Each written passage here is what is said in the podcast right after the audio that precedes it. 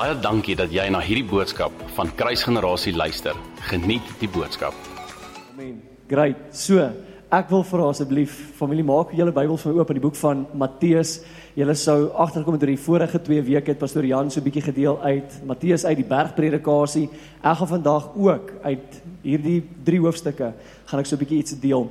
En ek sê dit 3 want ek wou ek het baie baie baie amper vandag die hele bergpredikasie gelees wat drie hoofstukke in die Bybel is omdat ek voel die boodskap wat ek vanmôre het is juis 'n ek wil sê oorkoepelende boodskap. Dis 'n dis 'n gedagte wat ek dink die die hart van Matteus 5 6 en 7 die bergpredikasie vas lê en so ek ek wil jou vra om vanmôre my geduldig te wees. Ek sê dit vir pastoor Jan voor die tyd ook. Ek lees hierdie gedeelte in die week in my voorbereiding ook. En ek sien hoe amazingly genius Jesus is. Jesus, weet julle Jesus is die intelligentste mens wat ooit hierdie aarde gewandel het. Want hy is nie mens in die sin wat ons al van praat nie. Hy het vlees geword. Hy's God. Maar hy was die intelligentste wat nog ooit hierdie aarde bewandel het. Hy is die slimste een, hy is die beste prediker. Daar's niemand wat so goed kan preek soos Jesus nie. Amen. En so hierdie is Jesus se eerste preek wat ons het. Is hierdie ene. Nadat hy 'n paar amazing goed doen, hy doen 'n paar wonderwerke en dan dan sien ons hier op die berg bring hy 'n paar met ons eintlik 'n paar mense wat om hom vergader meer as enigiets anderste en dan praat hy met hulle.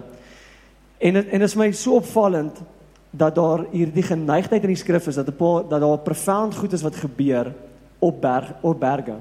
Jy al ooit agtergekom? Ek gaan net so so twee twee of drie van hulle noem vinnig.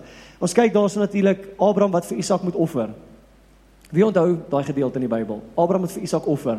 Hulle gaan by berg Moria, se reg spreek nou reguit, gaan nou op die berg en nou in daai oomblik is daar hierdie openbaring voor die Ou Testament, voor die Ou Verbond. Want wie weet, daar's twee verbonde, die Ou Verbond, Nuwe Verbond. Ou Testament, Nuwe Testament, reg?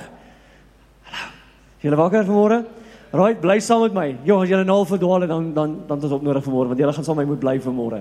So daar's 'n Ou Verbond en 'n Nuwe Verbond. En selfs voor die Ou Verbond gegee word, vat God hierdie man, hy stuur hom na 'n berg, hy sê vir hom jy moet jou seun offer. En net in die regte oomblik stuur God natuurlik eh, 'n woord wat sê stop dit en hy gee die die offer wat gebring moet word en in daardie oomblik voor die ou verbond gegee word kom daar al reeds 'n tentoonstelling van die nuwe verbond op daai berg na vore. Al reeds.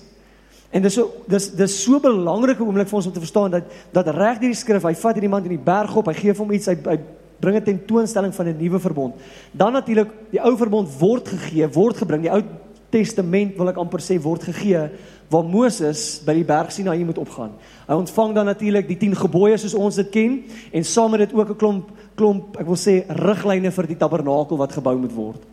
En en so weer eens op hierdie berg en ek wil vir jou sê vanmôre net omdat ons op 'n berg gaan beteken ons is nader aan God nie.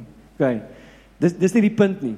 Maar wat baie keer met ons gebeur is dat ons in 'n manier raak detached van die wêreld waarin ons nou net gewandel het. Ons is bietjie verder, bietjie verwyderd uit daai wêreld uit in 'n sin en dit is vir ons makliker om dan te besef, wag, dis daar, ek is nou hier.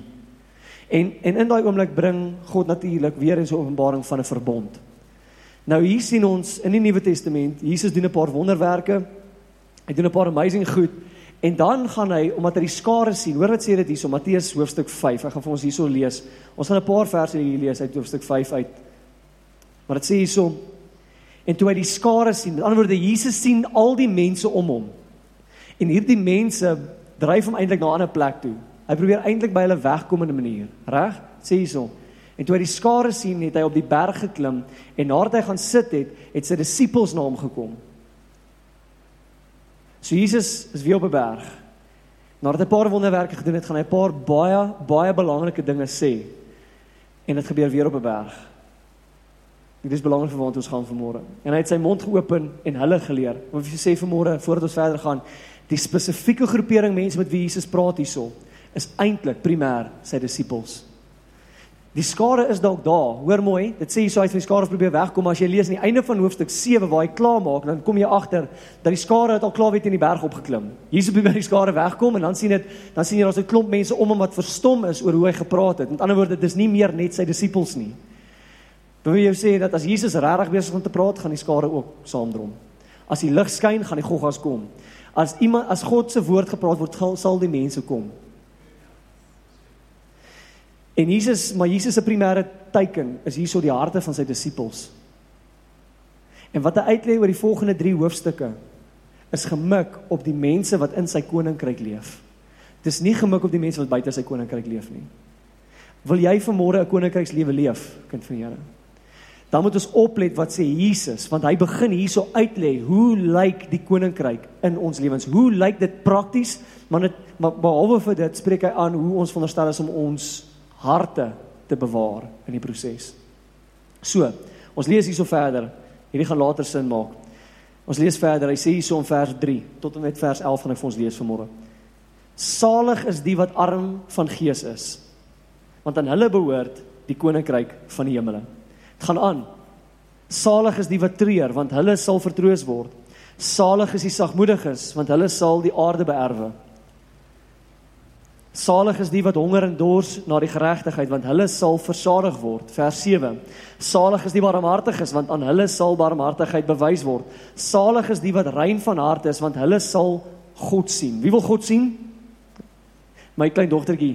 As ons bid baie keer in die aand en dan sê sy pappa ek wil vir Jesus sien. Ek sê o oh, liefie kind, jou hart is so mooi. Jy sal hom sien. Ek weet sommer jy gaan hom met jou oë sien voor ek hom sien met my oë. Jou hartjie so mooi. Salig is die wat rein van hart is want hulle sal God sien. Salig is die vredemakers want hulle sal kinders van God, wil jy kind van God genoem word? Daar's hy vers 9. Salig is die vredemakers want hulle sal kinders van God genoem word. Salig is die wat vervolg word. Daai is nou nie so lekker nie, nê. Nee. Terwille van die geregtigheid want aan hulle behoort die koninkryk van die hemele. Wil jy hierdie koninkryk van die hemele moet aan jou dis dis dis eintlik nogal opwekkende merkwaardige uitspraak hierdie, nie? Nie waar nie? Hoor hierso. Hy sê nie hy gaan die koninkryk hulle in die koninkryk sit nie. Hy sê aan hulle behoort die koninkryk. Ja, maar ek is nie dit waardig nie. Hoekom sê Jesus dit dan gee? Jesus is so so vrygewig.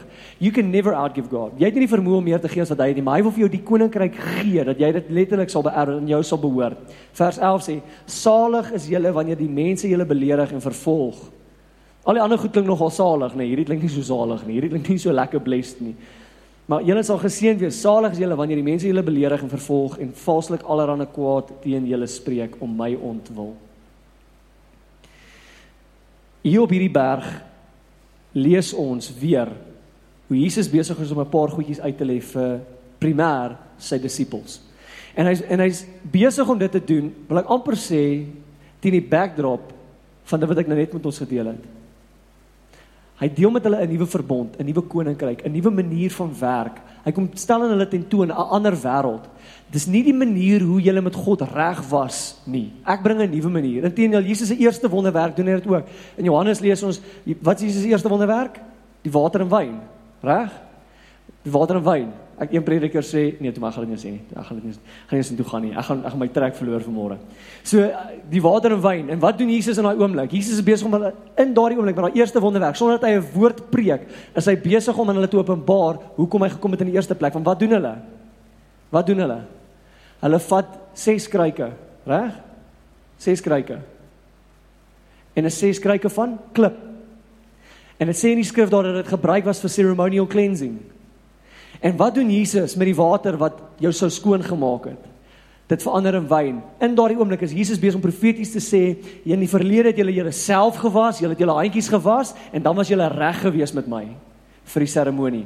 Hy sê van nou af gaan daai klip die 6 is die getal van die mens. Julle vermoë om julleself reg te maak gaan nie werk nie. Inteendeel ek bring my bloed, die wyn in hierdie 6 klippe hierdie ses stene wat hierdie water gehou het. Nou bring hy my bloed. Ek bring vir jou 'n ander realiteit. Dis presies wat Jesus hier ook doen. Hy bring 'n ander manier. Dit sê die koninkryk. Hy praat van die koninkryk.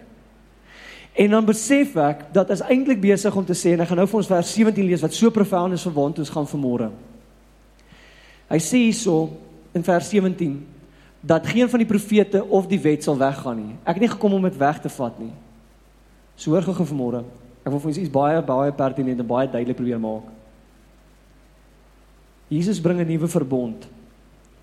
En ons weet uit Hebreërs uit dat die verbond wat Jesus bring 'n beter verbond is as die ou verbond. Dis beter as die wet. Dis beter as die 10 gebooie. Nie waar nie? Dis beter. Letterlik, dis die woord wat gebruik word. Dis 'n beter verbond. En en wanneer ek dit lees, dan sou ek dink as Jesus kom en hy praat met 'n nuwe van 'n nuwe verbond, hy probeer dit aan ons openbaar en ons 10 gebooie, Hoor my gou-gou. Wat is meer as 10? 11. Reg? Okay, dis hier- dis 'n redelik eenvoudige vraag. Meer as 10 is 11. Okay, hoor my vanmôre, bly saam met my vanmôre. Nou sê Jesus, hy bring die salig saligsprekinge. Dis wat hulle daarna verwys in die Afrikaans. Ek dink ek het nou reg gesê. Die beatitudes. My gedagte sou wees wanneer Jesus hierdie goed sê, wanneer hy die bergpredikasie begin, sou hy dalk ten minste 10 of 11 spreker saligsprekinge gehad het. Reg? Om te wys, nuwe verbond, man, dis dit staan nie terug vir die ou verbond nie, inteendeel dit is 'n beter verbond, so miskien sou hy 10 of 11 saligsprekinge gehad het. Gaan kyk hoeveel is daar. Het julle gesien hoeveel saligsprekinge is daar? Enigiemand? Nou party ouens van die slim ouens redeneer so bietjie. Hulle sê daar's eintlik net 8. Daar's eintlik net 8. Maar as jy dit net so lees, dan's daar 9. En dit is so wat. Inteendeel, dan klink dit nie so great nie. As dit 9 is, is dit minder as die 10. So eintlik is die nuwe verbond nie gelyk aan die ou verbond nie. Ek glo Jesus is intentioneel oor alles wat hy doen. Hy doen niks per ongeluk nie. Kan ek net vinnige amen kry? Jesus doen niks. Die, die dit sê aan die einde van Johannes, die laaste vers in die boek van Johannes sê dat as alles wat Jesus gedoen het op aarde neergeskryf was, sou die wêreld nie die boeke kon hou wat geskryf was nie. Jy jy moet nogal intentioneel wees om so baie gedoen te kry in die 3 jaar van jou publieke bediening. Om soveel te doen in 3 jaar dat die wêreld nie die boeke kon hou nie. Dink aan die grootste biblioteek wat jy ooit gesien het. Nee, is meer as dit. Meer as dit. Jesus het nooit enigiets per ongeluk gedoen nie. En as dit in die skrif staan, beteken ons ons veronderstel om op te let. En hy noem hierdie 9 saligheidspreek. Nou die die getal 9 in die Bybel is eintlik profound. Dit spreek dit spreek van heelheid, dit spreek van volbringing en dit spreek baie baie belangrik van twee ander goed. Die gawes van God se Gees. Daar's 9 gawes van die Gees en daar is ek wil nie weer draak vanmôre nie. Van julle is o, hy is van daai weerdes wat al die goedjies in die Bybel. Ek's eintlik glad nie so nie, maar hoor my vanmôre. En dit spreek van die 9 dele van die vrug van die Gees. Hy probeer sê, julle ek kom doen 'n werk in en deur julle wat die wet nie kon doen nie. Ek praat met my disippels, daar's 'n ander manier van leef vir julle. Daar's 'n ander standaard. Daar's iets anderste wat uit jou lewe uit gaan begin vloei omdat ek jou Here is. En dit gaan nie 'n werk wees wat jy kan doen nie. Inteendeel, dit gaan vir jou voel of dit kort kom van die 10. Nee, dit gaan voel of dit vir jou kort kom. Dit gaan voel of jy moet iets bydra. Dit gaan voel of jy iets na die tafel toe moet bring. En dit gaan voel of jy iets moet bring wat gelyk staan aan dit wat ek wil doen in en deur jou lewe om myself te openbaar, my koninkryk te openbaar. Hoor my vanmôre. Ons hoeveel van julle het al ooit gesien Jy ontvang Jesus Christus en nou probeer jy so hard om die Here te dien. En hoe harder jy probeer om die Here te dien, hoe moeiliker is dit om die Here te dien. OK, dis net die pastore. Al die pastore sit hier voor. Ja, nee, dis die waarheid. Al die ander is soos Ja, dit is my moeilik om die Here te dien, die pastoor. Ek kry dit reg. Ek weet presies waarvan jy praat vanmôre. Inteendeel, pastoor, ek kan hierdie preek beter preek as wat jy dit preek vanmôre. Ek weet presies waartoe jy gaan. Hoor my. Dit sê hierso in vers 17. Hoor gou-gou wat sê dit hierso. Hierdie is so amazing. Jesus, Matteus 5 vers 17 sê die volgende. Ek het dit nou gekwoteer.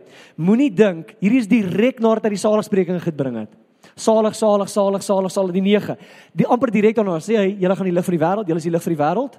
En dan sê hy die volgende, vers 17: Moenie dink dat ek gekom het om die wet of die profete te ontbind nie. Ek het nie gekom om dit om te ontbind nie, maar om te vervul. Ek wil jou herinner aan Jesus se laaste woorde. Dis volbring. Hierdie is belangrik.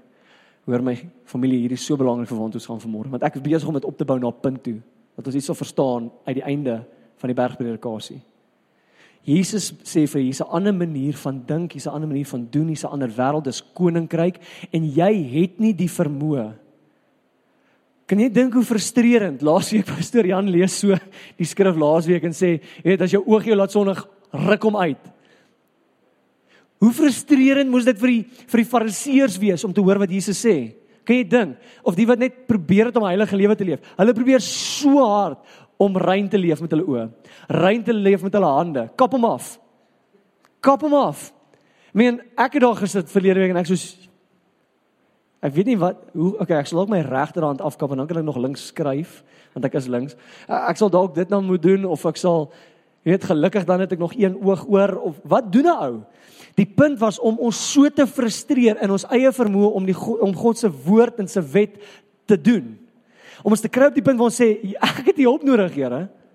Ek het nie die vermoë om al die dinge wat hy sê in die bergpredikasie wat 'n nuwe verbond is, wat eintlik vir ons openbaar dat daar wel genade op pad is vir ons om te doen. Dit frustreer ons tot so 'n punt dat ek sê Here, ek het U hulp nodig. Ek kan dit nie doen nie. Hierdie lewe waarvan hy praat van die disippels. Here, ek kan nie dit doen nie. Dis onmoontlik. OK, weer eens, net die pastore. Ja, nee, dis waar. Dis waar. Nee, die res is soos nee, dis nie vir my moeilik om te doen wat Jesus sê. Kom op familie. Nie net die kan jy dink gou vir 'n oomblik. Ek het al gehoor mense sê Jesus is 'n grace preacher. Nee, broer, as jy hierdie lees, dan is Jesus die wet op steroids. Hy sê hy sê, luister, as jy net kyk, ruk hom uit. Die wet sê nie dit nie. Die wet sê bring 'n ou duifie of 'n lammetjie of 'n ding en dan is jy okay. Hierdie sê nee, haal jou eie oog uit. Dis soos next level. Hy, hy maak dit vir jou onmoontlik. Hy maak dit vir die ouens wat gedink het dat hulle die wet kan volbring in hulle eie vermoë, maar hy maak dit vir hulle onmoontlik om te sê ek hoe grand is ek. Ek dink so in die oomblik aan daai man wat na Jesus toe kom en sê, "Here, wat moet ek doen?" Daai ryk jong man sê, "Wat kan ek doen om ewige lewe te behou?" Hy sê, "Eer jou vader, jou moeder." En hy sê vir hom 'n klomp goedjies. Hy sê, "Ek het al daai dinge gedoen." Hoe arrogant moet jy wees om te sê jy het al daai dinge gedoen? En dan sê Jesus vir hom die een ding wat sy hart nodig gehad het. Sien want reg deur die skrif en veral as jy hierdie stuk lees, besef jy dat al hierdie te doen met die hart. Al hierdie al hierdie goed wat Jesus sê, het te doen met die hart. Reg deur die skrif is God op soek na die mens se hart. Hy hy hy het geen begeerte na jou vlees nie. Want jou as jou as jou hart in lyn is, sal jou vlees in lyn kom. Sien in hierdie skrif lees ons en ek gaan dit nou nou vir ons eintlik mooier uitbeeld. Ek mag dalk nie daarna verwys nie, maar ek gaan dit vir ons uitbeeld nou-nou. Dis dis vir my so opvallend wanneer ek hierdie skrifgedeelte lees en besef ek Jesus is besig om oor twee groeperings mense te praat. Koninkryksmense het 'n hart wat op hom gerig is, vol is van hom en dan deur hulle vlees verheerlik hulle God. En dan is daar 'n ander groepering mense wat buite die koninkryk leef, wie se harte so honger is. Dan probeer hulle hulle harte versadig maak, vol maak met hulle vlees. En jy moet weet vanmôre dat jou hart nooit gaan vol wees deur enigiets wat jy doen met jou vlees nie. Nooit. Nooit. Jou vlees het nie die vermoë om jou hart versadig te maak nie. Net God kan. En dit is wanneer ek lees in hierso in hierdie hoofstuk 5, 6 en 7 sien ek hoe God besig is om appel deur Jesus Christus aan sy disippels primêr, 'n appel op hulle harte te sit en sê, "Boys, julle het nodig om tafel toe kom. Julle kan nie doen wat ek kom doen dit in en deur julle nie. Julle het nie die vermoë nie en ek gaan julle so frustreer.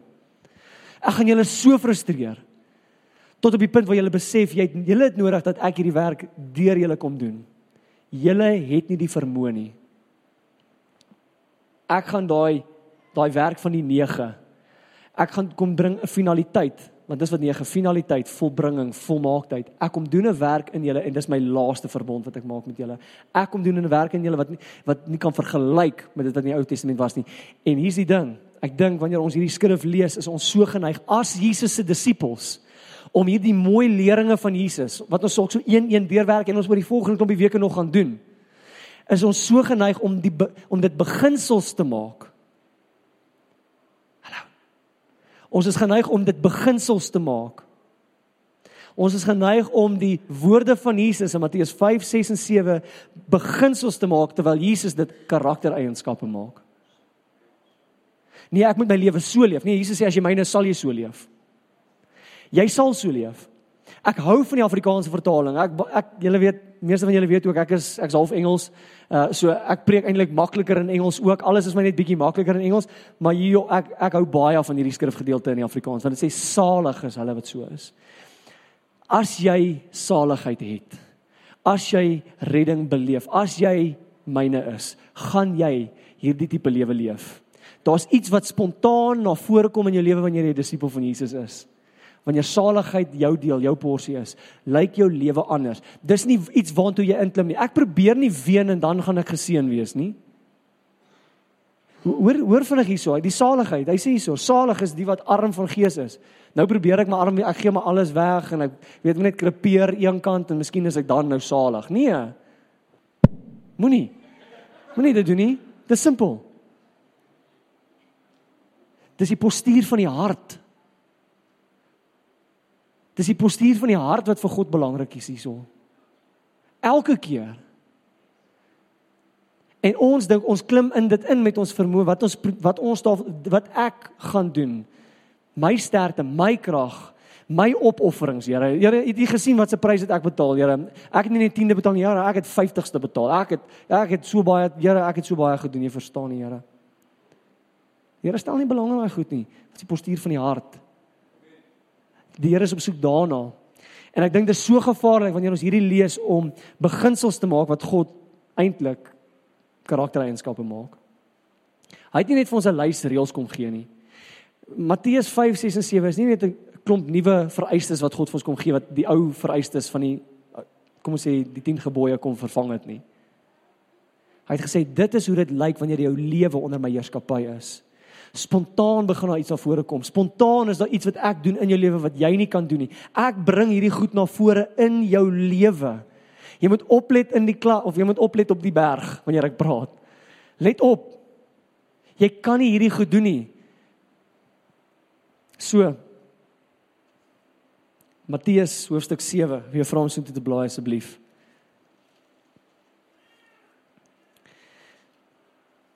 Wanneer Jesus hierso praat dan dan kom doen hy eintlik hy hy hy praat van Esegiel 36 se werk. Die harte van klip wat hart van vlees word. Dis 'n hartswerk. Dis waarvan hy praat hierso. Ek laat eers die skrif lees. Ek weet nie die regte woord kry. Nou nou vloek ek hier van die kansel af. Maar nou nie dit doen nie. Veral nie met die so al die poster en hier is of môre nie. Ek gaan nou my woorde mooi kies. Hoor wat sê dit hier van vers 15 af. Hoor wat sê dit? Maar pas op vir die valse profete wat in skaapsklere na julle kom en van binne roofsigtige wolwe is.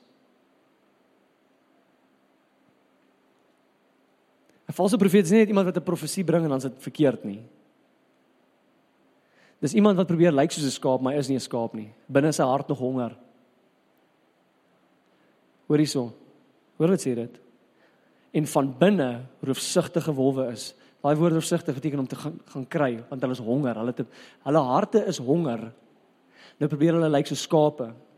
Hulle probeer lyk soos een van die wat weet jy wat? Ek dink ons moet ons moet oppas om soos ander disippels te wees sien die valse profeet wil soos die skaap wees. Die skaap wil soos die lam wees. OK, gaan weer sê. Maar wie is dit net die pastoor het sê ja, ja. Hoor my vanmôre. Om onsself te bedek terwyl ek voorberei het ek dit in Engels so neergeskryf. Vir vir die mens gaan dit oor presentation. It's about presentation to present myself as a sheep unto God. But for God it's about manifestation. Die jy is net wie jy is. En as hierdie begeerte vir ons om nie soos die ander skape te wees. Ek wil nie soos 'n disipel van Jesus wees nie. Ek wil soos Jesus wees. Ek wil nie net 'n skaap wees nie. Ek wil soos die lam wees. Ek wil soos hy wees. En wanneer ons ons lewens begin inrig volgens ander mense, dan begin ons die punt mis, want dan wil ons net inpas. Ons wil it's about presentation. Ek wil so lyk. Like. Wat het gebeur met die eerste mense wat soos iets anders te wou lyk? Like? In Genesis. Hulle hulle self bedek. Hulle wou iets alwe anders lyk like, as hoe hulle gelyk het. Hierdie gaan nou baie duidelik word. Hoor wat sê dit hierso. So vir die valse profete wat in skaapsklere na julle kom en van binne roefsigtige wolwe is, aan hulle vrugte sal julle hulle ken. 'n Mens pluk tog nie druiwe van dorings of vye van distels nie. So dra elke goeie boom goeie vrugte, maar 'n slegte boom dra slegte vrugte. Hoor hierdie vers 18. Hoe ongelooflik powerful is vers 18. 'n Goeie boom kan geen slegte vrugte dra nie. 'n Goeie boom het nie die vermoë om slegte vrugte dra nie. Gaan bid ons ons klaar. Want daar is hy eintlik klaar so baie. 'n Goeie boom het nie die vermoë kan nie slegte vrugte dra nie kan nie. Hy sê nie hierso sal nie. Sê kan nie. Het nie die vermoë 'n goeie boom kan nie. Nou dit beteken nie dat as jy 'n kind van die Here is jy nie kan sondig nie. Dis nie die vrug nie. Dis nie die vrug nie. Maar dit sê so jy het nie die vermoë om slegte vrugte dra as jy 'n goeie boom is nie. Maar die ander kant is ook waar. Hoor wat sê dit? En 'n slegte boom ook geen goeie vrugte nie. 'n Slegte boom kan nie goeie vrug dra nie. Jy gaan spontaan goeie of slegte vrug dra afhangende van waar jy is. Ek ek hier's die hier's die woord wat ek nou maar opgekom het vanmôre. Ek wil die horrie pieps kry. OK. Dis 'n pastoor se manier om te kry, wil my broek. Weet. Ek wil die horrie pieps kry as ek hoor dat 'n kind van die Here sê, "Ja, God is die God van tweede kansse." Snert man, waar's dit in die Bybel? Waar? Van julle soos, "Ja, ek het dit al baie gesê." Ek het dit al gesê. Ek het maar hoor my, as as as God die Vader deur sy seun Jesus Christus vir Tarsus van 'n berg 'n tweede kans moes gee, het ek meer as net 'n tweede kans nodig gehad. Dis soos 'n strike 1, strike 2, strike 3 you're out. Dis wat ons eintlik besig om te sê, nog 'n kans om die bal raak te slaan. Daar's nie 'n manier nie. Ek het nie die vermoë om die tweede keer die bal raak te slaan nie. Ek kan dit nie doen nie. God is nie die God van tweede kansse nie, hy is die God van nuwe skepsels. Hy maak jou iets nuuts. Hy maak hierdie Psalm 1 boom. Hoor hierso, hier's twee bome. Goeie boom, slegte boom. Die goeie boom van Psalm 1 is 'n boom wat geplant word. Dis amazing as jy kyk na daai woord wat geplant beteken.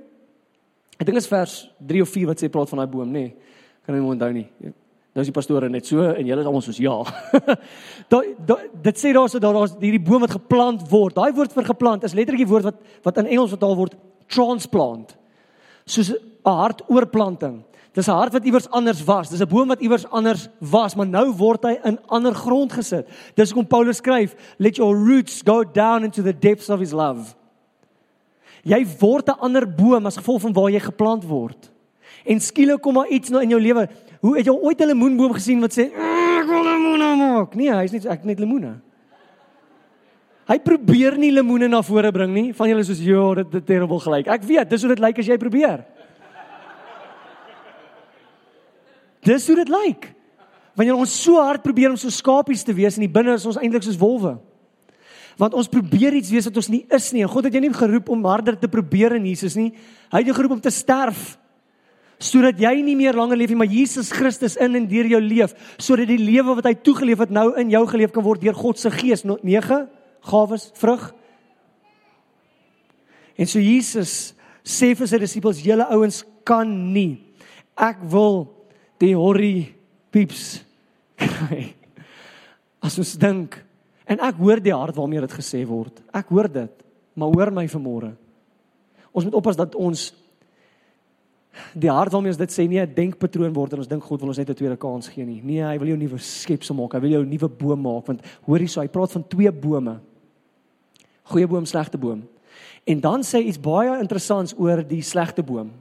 Eintlik sê hy eers dit van die slegte boom en dan sê hy dat daar so 'n goeie en 'n slegte boom. Hoor wat sê dit hierso? Hierdie hierdie fan waar hierdie bladsy so om gekom weer kry. Hoor wat sê dit? Vers 16. Aan hulle vrugte sal julle hulle ken. 'n Mens pluk tog nie druiwe van dorings. Druiwe wyn spreek van bloed. OK? Of vye van distels nie. OK. Wat se blare het hulle gebruik in die tuin toe Adam en Eva gesondig het? Ek is met ek gaan nou myself 'n bietjie vooruitloop, maar ek gaan dit nou sê want ek mag dit dalk nie sê as ek dit nie nou sê nie. Ek glo dis een van die primêre redes hoekom Jesus toe daai stad ingegaan het en hy sien daai vrye boom. Al die mooi blaartjies maar geen vrug. Toe vervloek hy daai boom. Ek glo dis een van die primêre redes hoekom Jesus dit gedoen het want die laaste keer toe daar net blare was sonder vrug was in die tuin gewees. Die eerste keer, die eerste keer toe iemand probeer het om uit hulle eie uit iets te doen, toe word die vloek gespreek. Toe kom daar daai verbreeking van verhouding tussen God en mens. En wat vir my interessant is as jy kyk, hy sê hier's eintlik hierdie twee verskillende in 'n manier slegte bome. Hoor wat sê dit hierson? Drywe van dorings of vye van distels. Waar is die eerste plek in die hele Bybel waar daar gepraat word van dorings en distels? Wie weet? Hous ons ons pastor. Nee, ek kan nie hoor nie. Genesis. Hoor vanaand gesê dat hier is in Genesis 3. In die begin. Net so na die begin, maar in die begin. Genesis 3, hoor wat sê dit hierso vers 17 en 18. Vir die wat dalk nie weet nie, ek wil nie net aanneem almal weet noodwendig nie. Adam en Eva sondig. En hulle maak vir hulle toe hulle naaktheid sien as gevolg van die sonde wat hulle gepleeg het. Maak hulle hulle verkleringstukke uit vye blare uit. Nou ek het al baie gehoor en ek het dit self gesê ook. Uh, vye blare daai haartjies op en is soos ongemaklik en so aan, nie eintlik voor die val nie, want die val het gemaak dat die dorings en distels gekom het. Dis wat ons nou gaan lees. Dit was nog nie daar gewees nie. Baie klere was heeltemal vir hulle baie gemaklik geweest. Hoor wat sê dit hierso, vers 17 18. En aan die mens het hy gesê omdat jy geluister het na die stem van jou vrou Eva en van die boom geëet het waarvan ek jou beveel het om nie te eet nie, vervloek is die aarde om jou en wil met hoor hierso, met moeite. Hoor, hoor hierso. Met moeite. Sal jy daarvan eet al die dae van jou lewe? Ook sal dit vir jou dorings en distels Hoor julle? Dit sal vir jou dorings en distels voortbring. En jy sal die plante van die veld eet. So wat het dit eintlik nou regtig? Dis maar net 'n toeval. Nee nee. Julle weet die en ek dink pastoor Jan en pastoor Annie gaan my dalk nou beter kan help. Maar sover my navorsing strek is daar geen woord in die Hebreëse taal vir die, vir toeval nie. Daar is nie so woord nie. Daar is nie so woord in die Hebreëse taal eens nie. Bestaan nie eens nie. Wil jy sê vanmôre dat wanneer ons ons moeite na die tafel toe bring, is dit soos dorings en distels vir Here. En dit gaan nie vrug dra nie. Nog baie blare hê. Dit gaan nie vrug dra nie. En as jy gemaak is om vrug te dra, beteken, blare niks. Ons het toe ek groot geword het, ons het in 'n Jong, ons het 'n baie lekker erf gehad toe ek 'n klein seentjie was. Daar was daar was mango bome, daar was uh guava bome, daar was of 'n guava boom, daar was dink drie verskillende tipe avo bome, daar was twee verskillende pawpaw bome. Ehm um, daar het ons het soveel verskillende vrugte in die tuin gehad, piesangbome alles. En daar was er een boom in die hoek van die erf wat nooit vrug gedra het nie. Dit was 'n lychee boom. Nou ek het gehoor hy nou seker ouderdom raak dan begin hulle dra en so aan, maar ons het daar gebly vir ek dink 13 jaar en hy het nooit vrug gedra nie. Baie mooi blaartjies gehad, nie enkele vrug nie die frustrasie in ons harte wanneer dit Desember tyd was wanneer daarin veronderstel was om liedjies dra wat nou natuurlik vandag so duur is wat ons verniet moes kon kry. Dis nie blare beteken niks. Jy kan amper nie eens weer as 'n liedjie boom as hy nie vrug dra nie. Iets is veronderstel om spontaan te gebeur met die boom. Iets is veronderstel om spontaan na vore toe te kom. En wanneer ons probeer om hierdie koninkrykslewe te leef wat Jesus hiervan praat in Matteus 5, 6 en 7, wanneer ons dit probeer doen met ons eie vermoë, doen ons presies wat Adam en Eva gedoen het. Ons is besig om iets anders te na vore te bring. Ons bedek ons dalk self met selfs met skaapsklere. Maar ons lyk niks soos die lam nie want die binne is ons harte nog honger en ons probeer met ons vlees harte voer wat honger is na God in plaas van dat ons net ons verlustig in hom en toelaat dat hy alles anders te doen selfs in ons vlees dat jy van buite af sal lyk soos wat Jesus lyk. Wanneer ek hierdie skrif lees, besef ek en is so gevaarlik, hoor my familie, ek sê dit weer. Ons kan nie bekostig om beginsels te maak van karaktereienskappe nie. Want jy gaan dit nooit regkry nie jy is die goeie boom of jy is nie. Jy het nie die vermoë nie. So daarom het jy nodig om jouself ten volle to throw yourself upon Christ so that he can live the life that he lived in in you today. Sodat jy jou lewe kan leef van vrug. En hoor mooi, die vrug is nie vir jou nie. Ek wil dit dalk net sê vanmôre. Die vrug wat in jou lewe, jy ooit 'n mango boom sien mangoes eet? Nee. Die boom eet nie die vrug nie. Die vrug is nie vir die boom nie. Ek weet van julle is dis so dom. Ja. Dis hoe dom ons is. Om te dink die vrug is vir my. Kyk my mooi vrug. Nee, die vrug is vir die ouens om die boom wat honger is. Wat nodig het wat jy het. En as jy dit nie dra nie en hoor my, jy gaan dit nie dra as jy dit self probeer dra nie. Dis dit word doelbewus die vrug van die gees genoem nie van die vlees nie. Ons het nie die vermoë nie. En so wat Jesus doen hierso in die hele bergpredikasie en wat my my hoop is is dat soos ons nog oor die volgende paar weke steeds gaan bly gesels oor die bergpredikasie en dalk van hierdie lesse een-een so gaan uithaal na gesels om ons kan nie bekostig om dit net beginsels of 'n lys van goed te maak wat God weer van ons vereis nie. Hy sê jy kan dit nie doen nie. Dis die hele punt daarvan. My wêreld is so ver verhewe bo hierdie wêreld. My manier van doen is so ver verhewe bo jou manier van doen dat jy nie die vermoë het nie. Ek moet jou iets anders maak en ek moet jou gaan plant op 'n ander plek sodat jy kan leef soos ek jou geroep het om te leef. As jy frustreerd is omdat jy sien daar's 'n disconnect in jou lewe tussen dit wat die woord sê en dit wat jy beleef, is die kans baie goed. Inteendeel, Jesus praat ook Johannes sê jy kan nie apart van my kan jy nie vrug dra nie. Dat ons apart van Jesus probeer opereer om goed te doen. Ons het nie die vermoë nie. En so ek weet, my woorde frustreer van ons dalk verskriklik, want dit frustreer my want ons wil so hard probeer. Casting Crowns het 'n liedjie geskryf so klompie jare terug. En in die song sê dit sê dit I'm trying so hard to stop trying so hard. Here ek probeer so hard om op te hou probeer want ek weet as ek probeer dan voeter ek dit op. En ek weet dit is moeilik.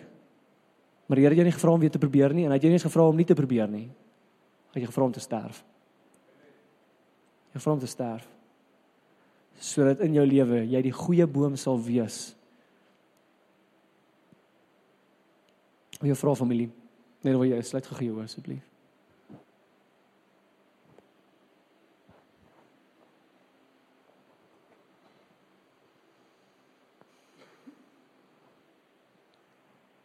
Ja, my eie hart is frustreerd wanneer ek wanneer ek die standaard sien wat hier kom stel het. Hier ek sien in die in die skrif hoe deur die die die profete hoe u deur die apostels sekere dinge skryf en ek sien Here, daar's hierdie groot groot disconnect. Dit is asof ek net nie daarby uitkom nie. En ek weet Here, ek kan nie die enigste een wees wat so voel nie. Ons weet ons is veronderstel om veel vrug te dra. En so my gebed hier vanmôre is eintlik baie eenvoudig, Here. Die boodskap is eintlik net so eenvoudig. Maar my my gebed is dit, Here, dat U deur U Gees wat vir my gaan voel partykeer Here dit kom net kort ek moet ek moet seker iets bybring ek moet seker iets bydra tot hierdie prentjie hierdie storie Here mag ons eintlik kom rus in die feit dat u kom doen dat hierdie seën wat geen mens kan doen nie en u deur u gees vrug na vore bring Here die natuurlike byproduk van die teenwoordigheid van die gees in en deur ons lewens En dis wat ek bid vir elkeen hier teenwoordig, Here. Lord that we would just simply die to ourselves that you might live in us through us through the power of your son Jesus Christ. Kom doen dit, Here. Kom bring dit in vervulling as my gebed in Jesus mooi naam. Amen. Amen. Dankie dat jy na hierdie podcast geluister het. Indien jy die boodskap geniet het, deel hom asseblief met jou vriende.